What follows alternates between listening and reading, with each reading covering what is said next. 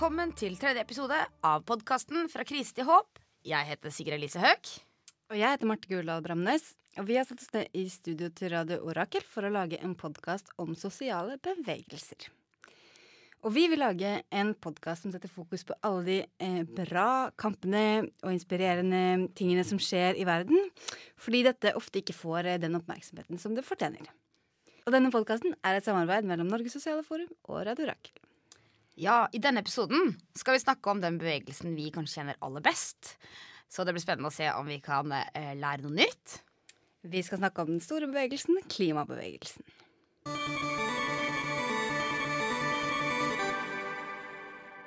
Klimabevegelsen kan man jo nesten si har oppdratt oss og vært vår inngang til sosial bevegelse. Og etter mange år i Natur og Ungdom og så andre organisasjoner som jobber med miljø, så står vi litt utafor og ser inn nå. Og det er to ting som vi spesielt ønsker å undersøke i denne episoden. Og det er for det første om det er sånn at klimabevegelsen i det siste har fått en ny boost, og hva det i så fall kan, kan skyldes. Og for det andre så vil vi se litt på hva som skiller den norske klima- og miljøbevegelsen fra klimabevegelsen globalt. For at vi skal få litt bedre innsyn i hva den norske klimabevegelsen gjør, så har Sara Andersen Vågenes og Maria Refsland laget en reportasje til oss som handler om det viktige arbeidet klimabevegelsen i Norge gjør i dag. Greenpeace og Natur og Ungdom sammen med Naturvernforbundet og Besteforeldrenes klimaaksjon har saksøkt staten for brudd på Grunnloven, fordi den norske stat har bestemt seg for å bore etter olje i Arktis.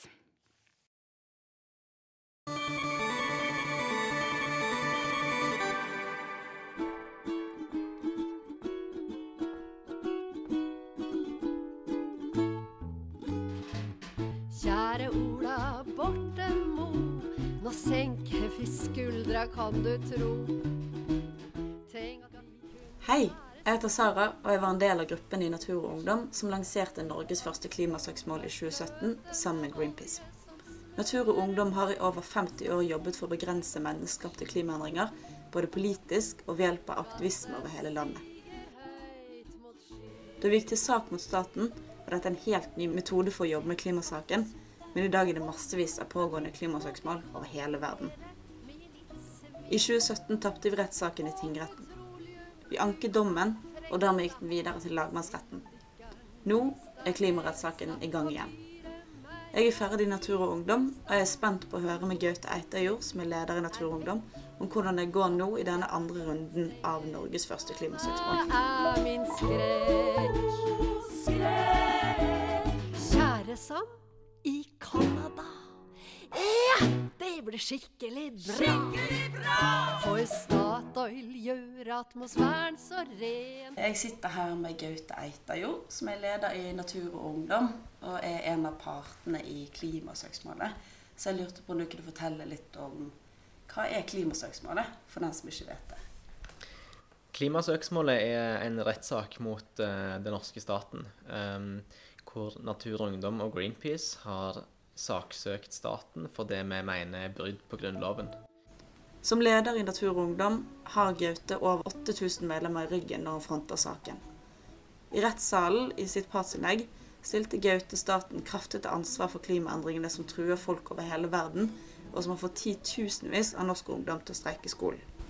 Og vi mener at staten har eh, brutt Grunnloven når de i 2016 ga ut tillatelser til å lete etter olje i Barentshavet, lenger nord enn noensinne før. Når vi vet at vi skal løse klimakrisen og må bruke mye mindre olje og gass, så kan vi i hvert fall ikke lete etter enda mer olje og gass. Det er klimaforskningen veldig tydelig på, at vi har funnet mer olje og gass enn vi kan bruke. Gaute sier at forskerne er helt enige i at vi har funnet mer olje og gass enn vi kan hente opp hvis vi skal ha en sjanse til å nå 1,5-gradersmålet. De har gått til søksmål på bakgrunn av Grunnloven, så de mener at staten har brutt og gi ut nye oljekonsesjoner i Barentshavet sørøst. Men hva står det egentlig i Grunnloven om klima og miljø? Eh, Arnstein Vestre, du er jo eh, fagrådgiver i Greenpeace og en del av det teamet som jobber med søksmålet. Kunne du fortalt litt om eh, denne paragrafen og hva som er grunnlaget i søksmålet? Altså, Grunnlovens miljøparagraf, eh, paragraf 112, ble jo vedtatt i 1992, og så oppdatert i 2014 i forbindelse med at man reviderte hele Grunnloven. Og det den gjør, er at den gir enhver, som det heter, rett til et levelig miljø. Både for, for vi som lever i dag, og for framtidige generasjoner. Og det vi gjør i det pågående eh, søksmålet, er at vi har tatt eh, oljeboring, nye lisenser i et nytt område i Barentshavet, til retten basert på en påstand fra vår side om at det bryter med vår rett til et levelig eh, miljø. Så det er på en måte grunnbasisen i søksmålet.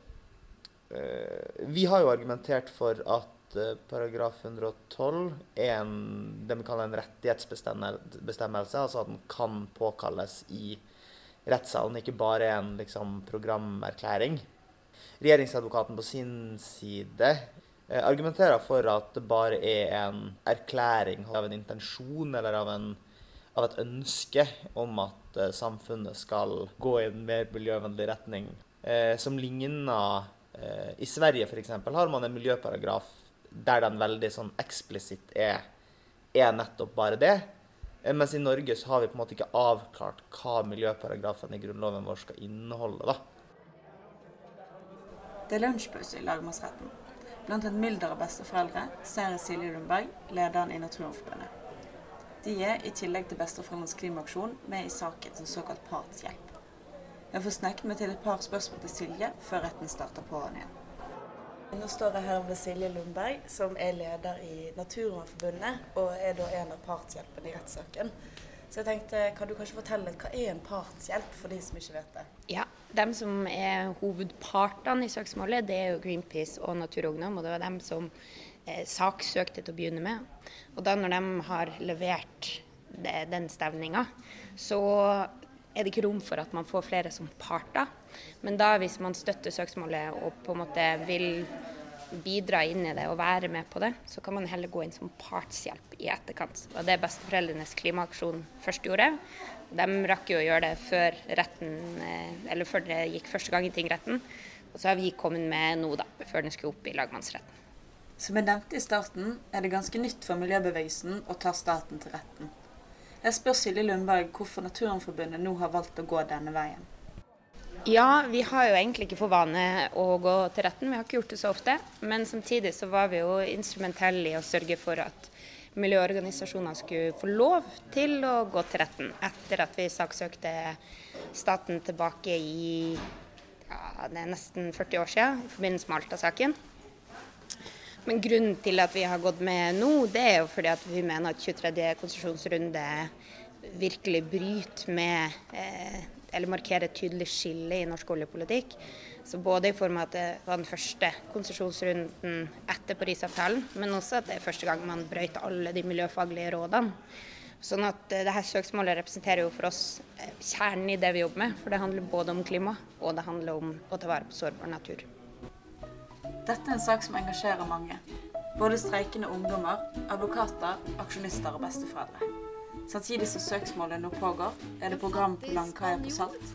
Konserter, debatter og oppdateringer fra retten hver dag. Når klimasøksmålet hadde sin første runde i 2017, husker jeg synet av en haug bunadskledde besteforeldre utenfor tingretten om morgenen, som sang og jublet for saksøkeren. Det er helt tydelig at dette er noe som setter følelsen til folk i sving. Hva er det med klima som gjør at det er så engasjerende? Jeg spør Steinar Winther Christensen, som er leder av Besteforeldrenes klimaaksjon. Ehm, vi opplever et veldig sterkt sånn eh, generasjon, en generasjonsbro mellom de unge og de gamle. Eh, vi har jo levd i en tid hvor vi har på en måte nytt godt av en fantastisk natur, et flott klima, eh, årstidforandringer. Vi har sett snøen. vi har opplevd hvordan det var å være barn den gangen. Eh, vi er veldig opptatt av at slik eh, bør det også kunne bli for eh, våre barn og alles barnebarn i Norge. Og vi er opptatt også av det internasjonale perspektivet og hvordan fattige, og ikke minst fattige barn i andre land som er mer utsatt enn oss, vil lide av de klimaforandringene som vi står overfor. Det er en dresskledd og sliten Greenpeace-leder som møter meg på slutten av dagen. Frode har satt i timevis og hørt regjeringsadvokat Fredrik Sejersted forsvare staten. Jeg lurer på hvilke inntrykk han sitter igjen med etter en drøy uke med klimasøksmål runde to, og hva han tenker vil skje videre. Hva er et mulig utfall av denne saken? Altså, det finnes eh, veldig mange eh, mulige, ulike utfall. Eh, det er mulig at lagmannsretten eh, lander på noe tilsvarende som vi så i tingretten. Altså at den konstaterer at Grunnlovens miljøparagraf er en rettighetsbestemmelse. Altså enhver har rett til et levelig eh, miljø. Men at den kjenner utvinningstillatelsene gyldige. Eh, og da kommer jo regjeringsadvokaten eh, og staten til å være ganske fornøyde. Et annet utfall på den andre enden av skalaen er at lagmannsretten konstaterer at disse ti utvinningstillatelsene er ugyldige og må trekkes tilbake. Og da er det jo full seier for eh, Greenpeace, Natur og Ungdom, Naturvernforbundet og Besteforeldrenes klimaaksjon. Og det håper vi da får store konsekvenser for norsk klimapolitikk framover. Får vi oljeberget for oss selv? Halleluja! Det har vært spennende å høre tankene til de involverte. Samtidig er det noe som jeg fortsatt lurer på. Jeg tenker på spørsmålet som Arnstein stilte. Hvor mye skal det være lov å ødelegge klimaet? Jeg slår opp paragraf 112, som sier at enhver har rett til et miljø som sikrer helsen, og til en natur der produksjonsevne og mangfold bevares. Naturens ressurser skal disponeres ut fra en langsiktig og allsidig betraktning som ivaretar denne rett også for etterslekten. Borgerne har rett til kunnskap om naturmiljøets tilstand, om virkningene av planlagte og iverksatte inngrep i naturen, slik at de kan ivareta den rett de har etter foregående ledd. Statens myndigheter skal iverksette tiltak som gjennomfører disse grunnsetninger. Jeg er ikke jurist, men jeg ville vanligvis tenke at det betyr at noe må gjøres. Grunnlover betraktes ifølge Store norske leksikon som lover av en høyere orden. Hvis ikke en grunnlovsparagraf forplikter til å handle, hva gjør egentlig det da? Er jusspråk bare et spill for galleriet? Hvis det er som regjeringsadvokaten sier, at staten med sin olje- og gassproduksjon ikke kan stilles til ansvar for klimaendringene vi allerede ser i dag, hvor langt må det gå før paragrafen tas i bruk? Og hvor mye skal det være lov å ødelegge klimaet?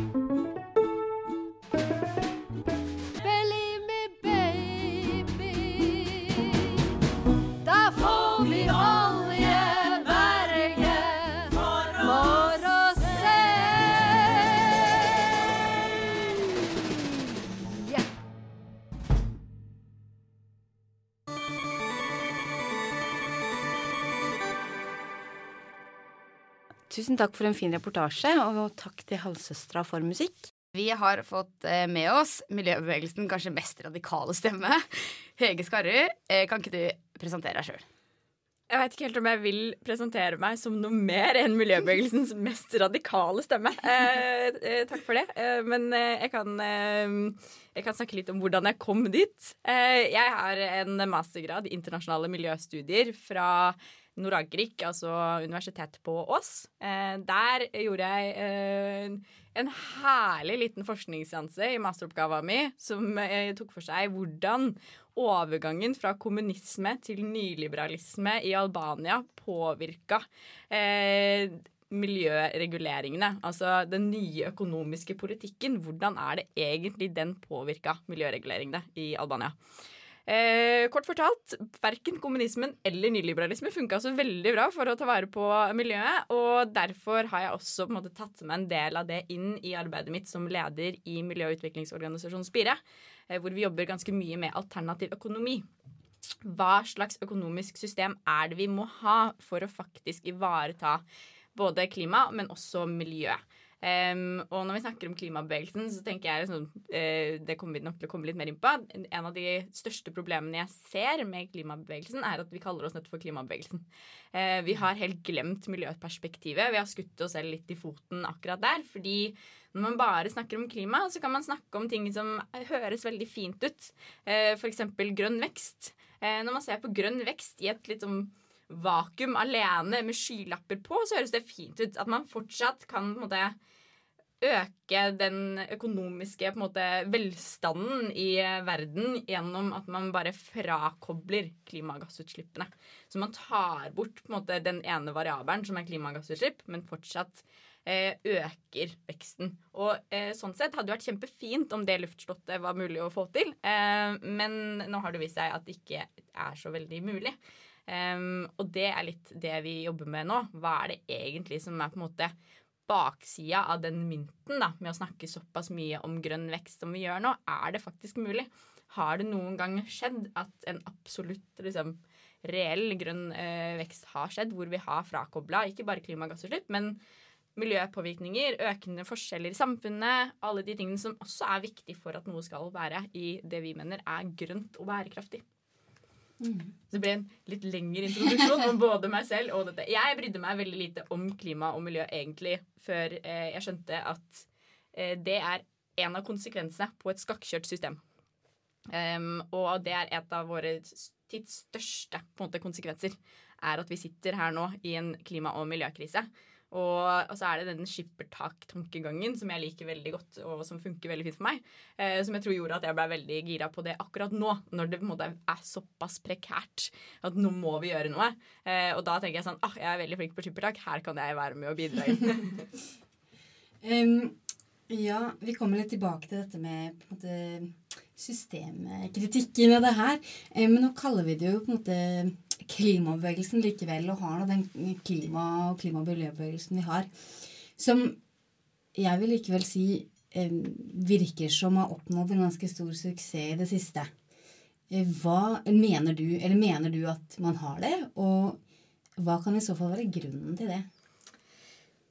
Um, det er et ganske godt spørsmål, men også et litt vanskelig spørsmål. Um, det har på noen områder ja, vært uh, en suksess det siste bare året. Men suksessen er jo på en måte eh, befesta i det at det går skikkelig ille. så suksessen i den form at folk er mer oppmerksomme på det, at man snakker mer om at man må ta ordentlig grep, det er kun fordi vi ikke har gjort det før. Det er kun fordi nå er det skikkelig ille. At politikken har ikke funka, og politikken fungerer fortsatt ikke. Men folk er i hvert fall opptatt av det. Så om vi har hatt en suksess når det kommer til f.eks. politisk gjennomslag. Vet ikke om de små dråpene som vi har prøvd å på en måte strø rundt, har blitt til det store havet vi håper. Men vi har i hvert fall fått en helt annen oppmerksomhet rundt det faktum at nå eh, gjelder det.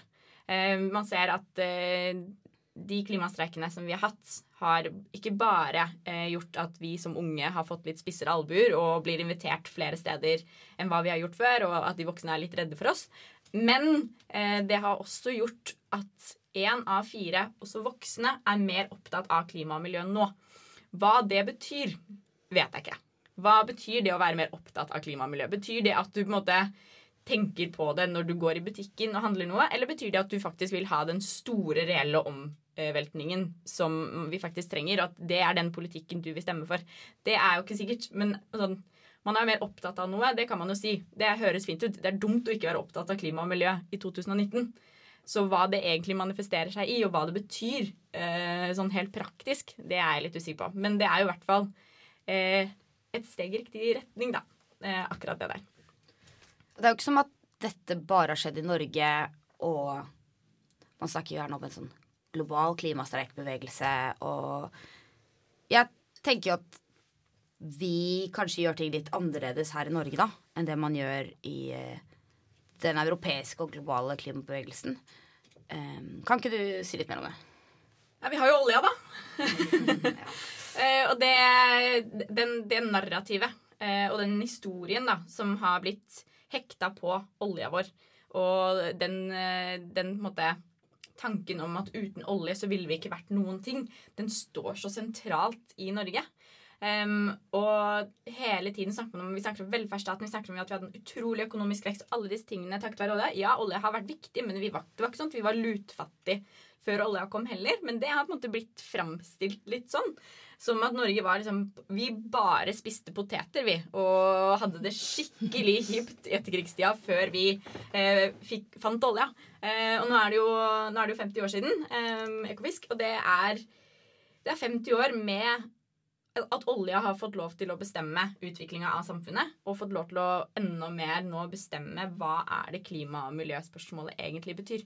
Og jeg tror det, det at vi ikke klarer å på en måte ikke ha, gi den makta til olje- og gasselskapene, og, og at det sitter så sentralt i de politiske partiene, gjør at vi ikke klarer å forstå hvor skikkelig i saksa vi sitter, da. Og hva det er som egentlig må til. Fordi vi tror at om vi ikke har olje og gass, så kommer vi til å gå tilbake igjen til å sitte og spise eh, poteter og måtte kjøre rundt med hest og slede. Eh, det er det narrativet som da fortelles av olje- og gassindustrien. At vi skaper alle arbeidsplassene. Vi er med på å eh, få inn viktige penger i statskassa. Men hva gjør de pengene hvis ikke vi kommer oss dit vi må? Eh, skal vi sitte på et berg av penger med en eh, oljesølete verden med masse, hvor det brenner og klimagassutslippene øker? Det er vanskelig å si. Men tror du ikke at klimabevegelsen gjennomskuer dette? Altså, Den norske klimabevegelsen forstår jo at dette er noe som pumpes ut fra liksom, oljenæringa, og er jo ganske skeptisk til den, vil jeg jo si. Altså, Overlag sa det gjelder for alle, liksom, alle de ulike organisasjoner, da. Altså, og det er jo andre land som også har klimabevegelse som er kritisk til på en måte litt mer den systemtankegangen, og likevel har olje, da. Sånn som Storbritannia, for eksempel. Absolutt. Og jeg tror um, det jeg prøver å si, jo, er litt den at den tankegangen, altså den, den velferdstattankegangen som er knytta såpass til olja, ligger så så utrolig liksom ibundet i alle sammen i Norge at det også har påvirka miljøbevegelsen. At vi ikke helt sånn Den ordentlige på en måte, systemkritikken, den ordentlige OK, hvordan er det vi faktisk skal omvelte hele samfunnet i vekk fra denne tanken om at vi hele tiden skal ha vekst? Hvordan får vi den tanken? For det, absolutt, det er jo det. Det viser jo klimasøksmålet. At man, man ser at profitt over eh, folk og land og natur og miljø, det funker ikke lenger. Men tiltakene mangler den veldig store forståelsen av hvordan vi skal endre systemet. At markedet ikke kan være det som skal styre denne driften framover. Det er ikke så tydelig i den norske bevegelsen. Og det er veldig synd. Fordi markedet har aldri klart, og kommer aldri til, å løse klima- og miljøproblemene heller. For det er jo ikke det markedet er laget for. Markedet, sånn som det er i dag, er jo laget for å øke handel med, mellom folk. At man skal forsyne eh, folk med varer. At eh, folk skal få den friheten, i gåsetegn, til å velge eh, det man vil selv. Og ingen av de tingene er jo på en måte laget for å ivareta klima og miljø. Det er ivaretatt for, forhandleren. handelen. Og, og når man ikke klarer å se videre fra det, så, så har vi et kjempestort problem. Og det er der vi sitter litt nå i miljøbevegelsen, mener jo jeg, da. Mm. Ja, fordi litt av problemet er jo det Eller problemet er jo det at denne kapitalismen er jo slik at det er jo eh, Det er jo aldri miljø som vil komme i første rekke uansett, ikke sant? Um, men du har vært en del inne på det nå, men likevel um, så er det jo sånn at selv om uh, mange andre liksom, velstående land i Europa, de er jo likevel i miljøbevegelsen ekstremt eh, systemkritiske. Um, jeg har også jobba litt med internasjonal miljøbevegelse og merker jo at man er ikke redd for ordet kapitalisme da, på den måten som vi er i Norge. Kjemperart eh, at vi er så redd for ordet. Hva tror du er grunnen til at i Norge så er vi så redd for i det hele tatt snakke om det? Hvorfor er organisasjonene så eh, redd for å liksom ta på ordet kapitalisme eller nyliberalisme, eller hva man nå vil kalle det? Vi skal, vi, vi skal hele tiden samarbeide. Det er en felles dugnad. Vi skal samarbeide. Og hvis vi snakker om kapitalismen eller nyliberalismen som et problem, så tror jeg det er mange som tenker at da dytter man bort det store næringslivet, eksempel. At da føler man at da er ikke de inkludert lenger. Da blir det litt sånn OK, men da skal man ha planøkonomi, da. Da skal vi, da skal vi løpe rundt i gata med Maos lille røde. Det, det er det narrativet. Det er veldig sånn amerikansk egentlig tankemåte. At det, enten så er det liksom autoritær kommunisme, alt er grått, eller så er det på en måte den amerikanske drømmen. Eh, noen ganger, som jeg vet ikke om vi har sett for mye på amerikanske sitcoms, eller hva egentlig som har skjedd her, men, eh, men det er ganske spennende. Og så er det jo det at vi har det veldig bra i Norge. Det er liksom, ja, Selv om ulikhetene i samfunnet øker, så er det i en liten grad. Så man har ikke alle de andre tingene og alle andre problemene og de andre problembeskrivelsene å hekte på kapitalismekritikken sin. Så det er veldig vanskelig nå å komme inn fra sidelinja med en sånn 'det her er kapitalismens feil', når man aldri har visst at kapitalisme kan være et problem. At det har aldri blitt beskrevet som noe som kan være problematisk. Men i England så har man jo sett det i mange år gjennom liksom 70- og 80-tallet med Margaret Thatcher og bare videre og videre, videre. Privatisering og økende forskjeller hele tiden. Og nå er det bare sausete problem overalt. I USA også ser man jo at selv om kapitalismen står veldig sterk, så er den også blitt med, med et problem. Og problembeskrivelsen ligger der fra før av, fordi man ser at er store forskjeller blant folk. Man ser at fattigdom og sult øker pga. det. Man ser at eh, fedme øker pga. det. Man ser at landbruket har problemer. Men de tingene har ikke vært beskrevet på den måten i Norge før. Så da, vi ligger litt etter. Vi er ganske umodne i den forståelsen der, egentlig. Og jeg tror det er litt derfor vi ikke har kommet helt dit nå. At for å kunne vise til at kapitalismen er et problem for klima og miljø, så må vi også vise at det er et problem andre steder òg. At det kan ikke Hvis ikke så tror vi at det fortsatt er løsningen. Fordi vi vet ikke at kapitalismen har skapt de problemene vi sitter i. Uh, og uten å vite det, så skal vi løse kapitalismen med mer kapitalisme. Og ja, da går det jo som det går, da. Da brenner det ned i Australia og Amazonas og hele pakka. Men det kan jo også si at vi òg har jo i Spire har jo snakka veldig lenge om eh, de grunnleggende strukturene som skaper urettferdighet og eh, ikke-bærekraftige eh, handlinger. Men vi har ikke sagt på en måte, kapitalismen eller det økonomiske systemet så veldig tydelig. Eh, så det her er også noe veldig nytt. For vi heller har ikke tørt det. Men nå ser vi denne, liksom, det å gi oss et, måte, et driv eh, nå med den, den bevegelsen vi ser i Europa og internasjonalt, hvor det står vi trenger systemendring, ikke klimaendringer. Kapitalismen er problemet. Vi kan ikke løse problemet med kapitalismen. Det også gir jo også en sånn OK, men nå har vi nå, nå, er det manifestert at vi kan begynne med dette. Nå er det et momentum. Vi må drive det her framover. Og vi må også ta vår del, og vi må vise til at vi i Norge må òg, eh, både for vår eh, nasjonale politikk, men også som en internasjonal solidaritetskampanje, være med på å endre vårt system også. Og så har jeg tenkt litt på at jeg tror det kan bli en litt ond sirkel for mange organisasjoner, fordi at man eh, et vis tjener på å ikke være så systemkritiske også. At man eh, finner medlemmer forskjellige steder som også på en måte um, ikke er kritiske til ikke er kritiske til, til, kapitalismen på samme måte, da. Men så tenker jeg litt på Det er jo et begrep som har blitt veldig mye brukt i det siste, som er dette med klimaangst, eller flyskam og alle disse tingene her. Eh, og det kan man jo også ses på som et produkt av liksom samme tankegang. Kan du si litt om disse tingene her? Hva du mener om det?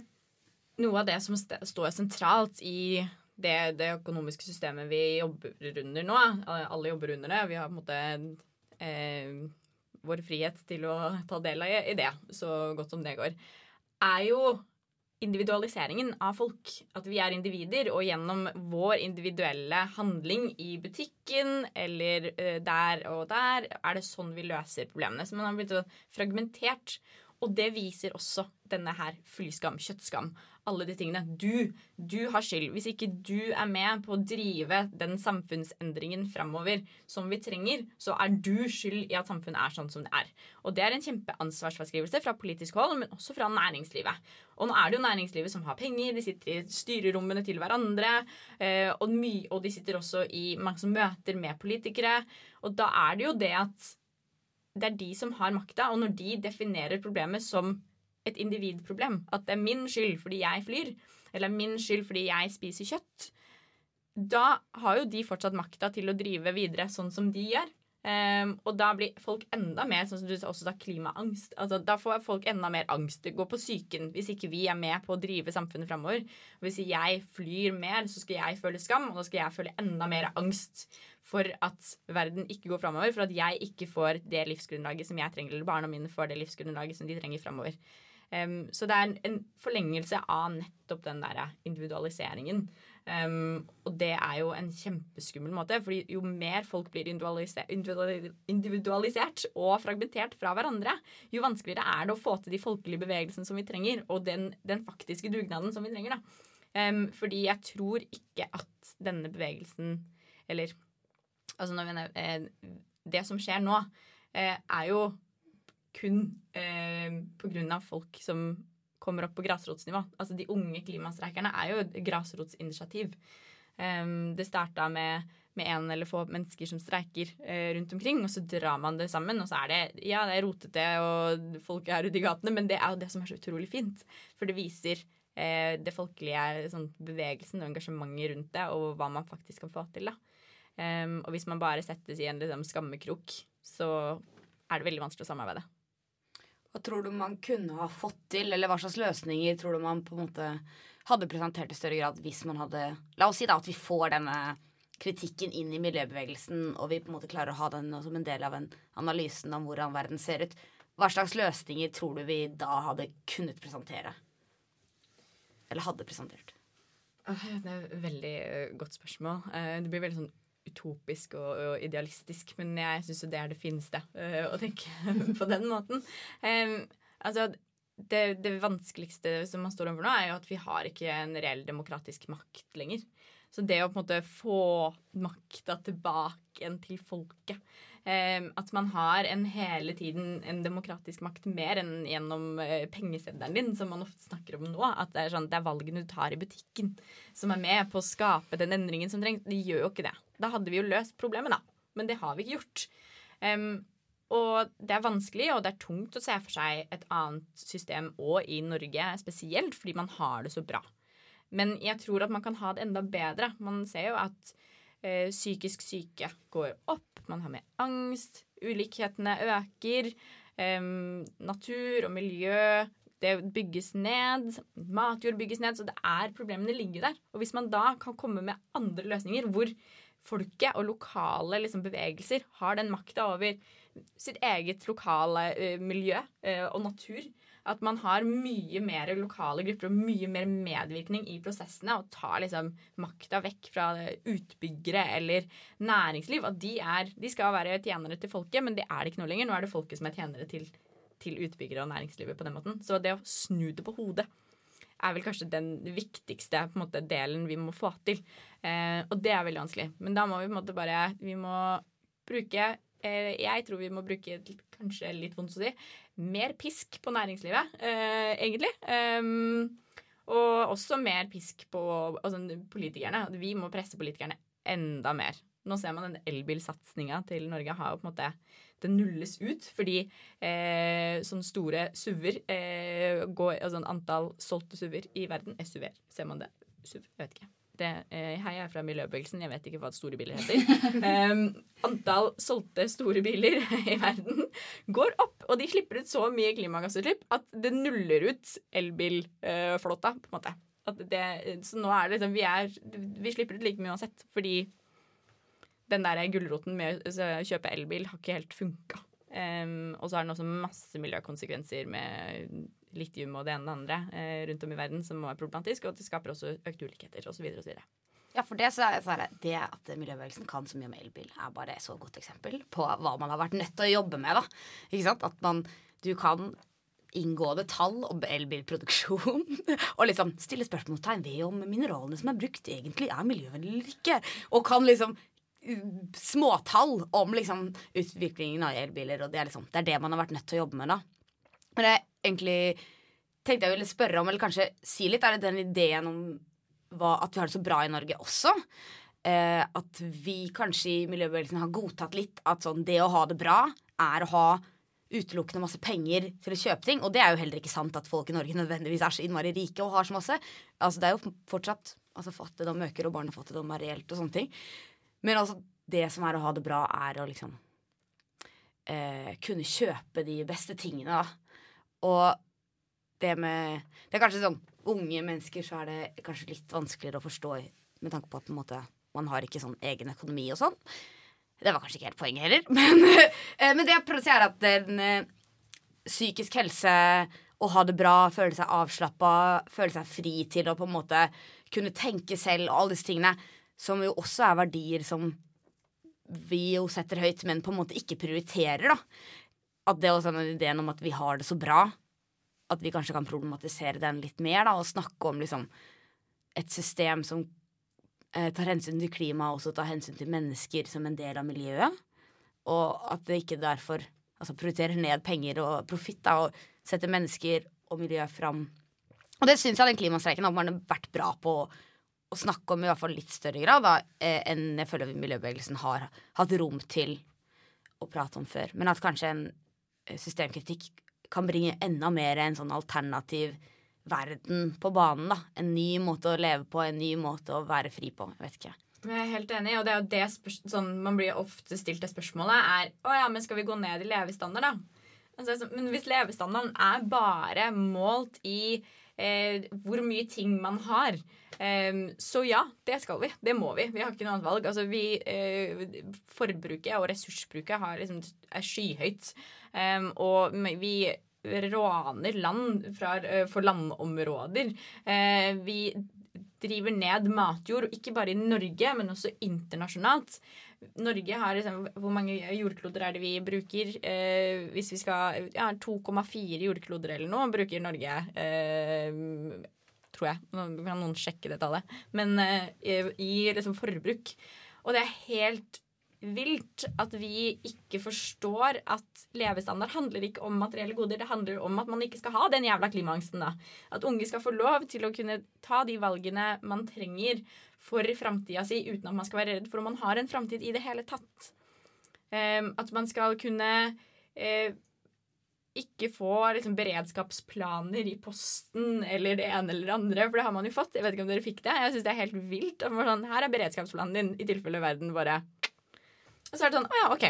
Ja, da, da må jeg da, som individ igjen begynne å tenke på de tingene. For, uh, det, ikke det at ikke staten eh, har noen plan for beredskap, men, men vi, vi er med å skape en så utrygg verden gjennom å gjøre alle de tingene. Gjennom å skape uh, enda mer undertrykkelse av mennesker, og gjennom å ødelegge biologisk mangfold, og eh, at arter utryddes, og at vi ikke har mulighet til å produsere mat på samme måte, at vi lager våpen for å være, bidra inn i konflikter, det er et problem. Og det er det levestandard og livskvalitet burde handle om, er jo å ikke ha de problemene. Ikke om vi har en eh, bruttonasjonalproduktøkning på 2,4% i året eller 3% i året eller 4% i året. Det er ikke det det handler om. Det handler om å leve trygge liv, og at det er noe som skal på en måte eh, gis til oss, da. tror vi er ganske enige om hva, hva det er som er viktig å sette fokus på. Men så lurer vi litt på til slutt hvordan mener du at en ideell klima- og miljøbevegelse eh, hadde sett ut? Det må være mer systemkritisk. Um, helt tydelig. Og det, det, det, nå er det snakk om i Norge. Og, og det som er veldig spennende, er hvis man ser f.eks. på uh, Friends of the Earth, som er uh, Naturvernforbundet sin uh, ja, eh, Som er ja, søsterorganisasjoner i andre land, da, så er det jo mye mer systemkritisk. Eh, WFF mye mer systemkritisk i andre land. Man har ikke det samme her i Norge. Fordi mange av de tingene vi allerede har snakka om. Men nå er tiden inne. Og hvis ikke vi virkelig tar en skikkelig sånn et skikkelig jafs og tar problemet ved rota, eh, at vi, vi ser på det at gjennom det systemet vi har nå, så øker vi ressursforbruket. Vi øker klimagassutslippene. Vi øker ulikheter. Vi øker psykiske lidelser. Eh, vi øker undertrykkelse av marginaliserte grupper. Eh, vi øker problemer med å sikre mat. Eh, sult går opp. Alle de tingene henger sammen. Altså, Man må forstå at alle de tingene henger sammen. Og da må man se på hva er det, på en måte problemet er. I det, den jobben jeg har nå, så møter man jo veldig mange mennesker innad i miljøbevegelsen. Og alle er jo på en, eller de fleste er jo egentlig veldig klar over at problemet er det økonomiske systemet. Men så er man redd for å faktisk kommunisere det ut. Fordi man er veldig redd for å skremme bort folk. Fordi vi har tjent så sykt mye på å bare snakke om bambustannbørster og om at vi må plukke plast i havet. Har Det har vi tjent på. Men vi er nødt til å faktisk si at ja, vi kan plukke så plast til krampa tar oss, men hvis ikke vi begynner å se på hvorfor vi har plast in the first place, så kommer vi ikke så veldig mye lenger. Og det er min oppfordring til hele miljøbevegelsen, er å ta alle de liksom, tankene man allerede har innad i organisasjonene, som sitter i liksom, rådgiveren og det ene andre, og så få det ut i kommunikasjon også. Um, og få det ut i kommunikasjon, ikke bare for, til offentligheten, men også til politikerne. At vi backer dere. Vi trenger det her nå. Wow. Ja, det var bra. vi er jo ganske enige der, tror jeg. Eh, men det er, jeg syns det er viktig å ha disse diskusjonene og prate om miljøbevegelsen og hvordan vi vil at sosiale bevegelser skal være, eller hvilken retning vi vil at ting skal ta. Jeg tror vi har eh, godt av å gjøre det. Og eh, med det så må vi egentlig bare si takk til deg, Hege. Du er jo da leder av Spire. Det glemte vi å si i stad. Veldig kul organisasjon. Den kan man melde seg inn i. Eh, takk til teknikeren vår, Jenny. Tusen takk. Og dette var tredje episode av podkasten Fra krise til håp. Eh, ses.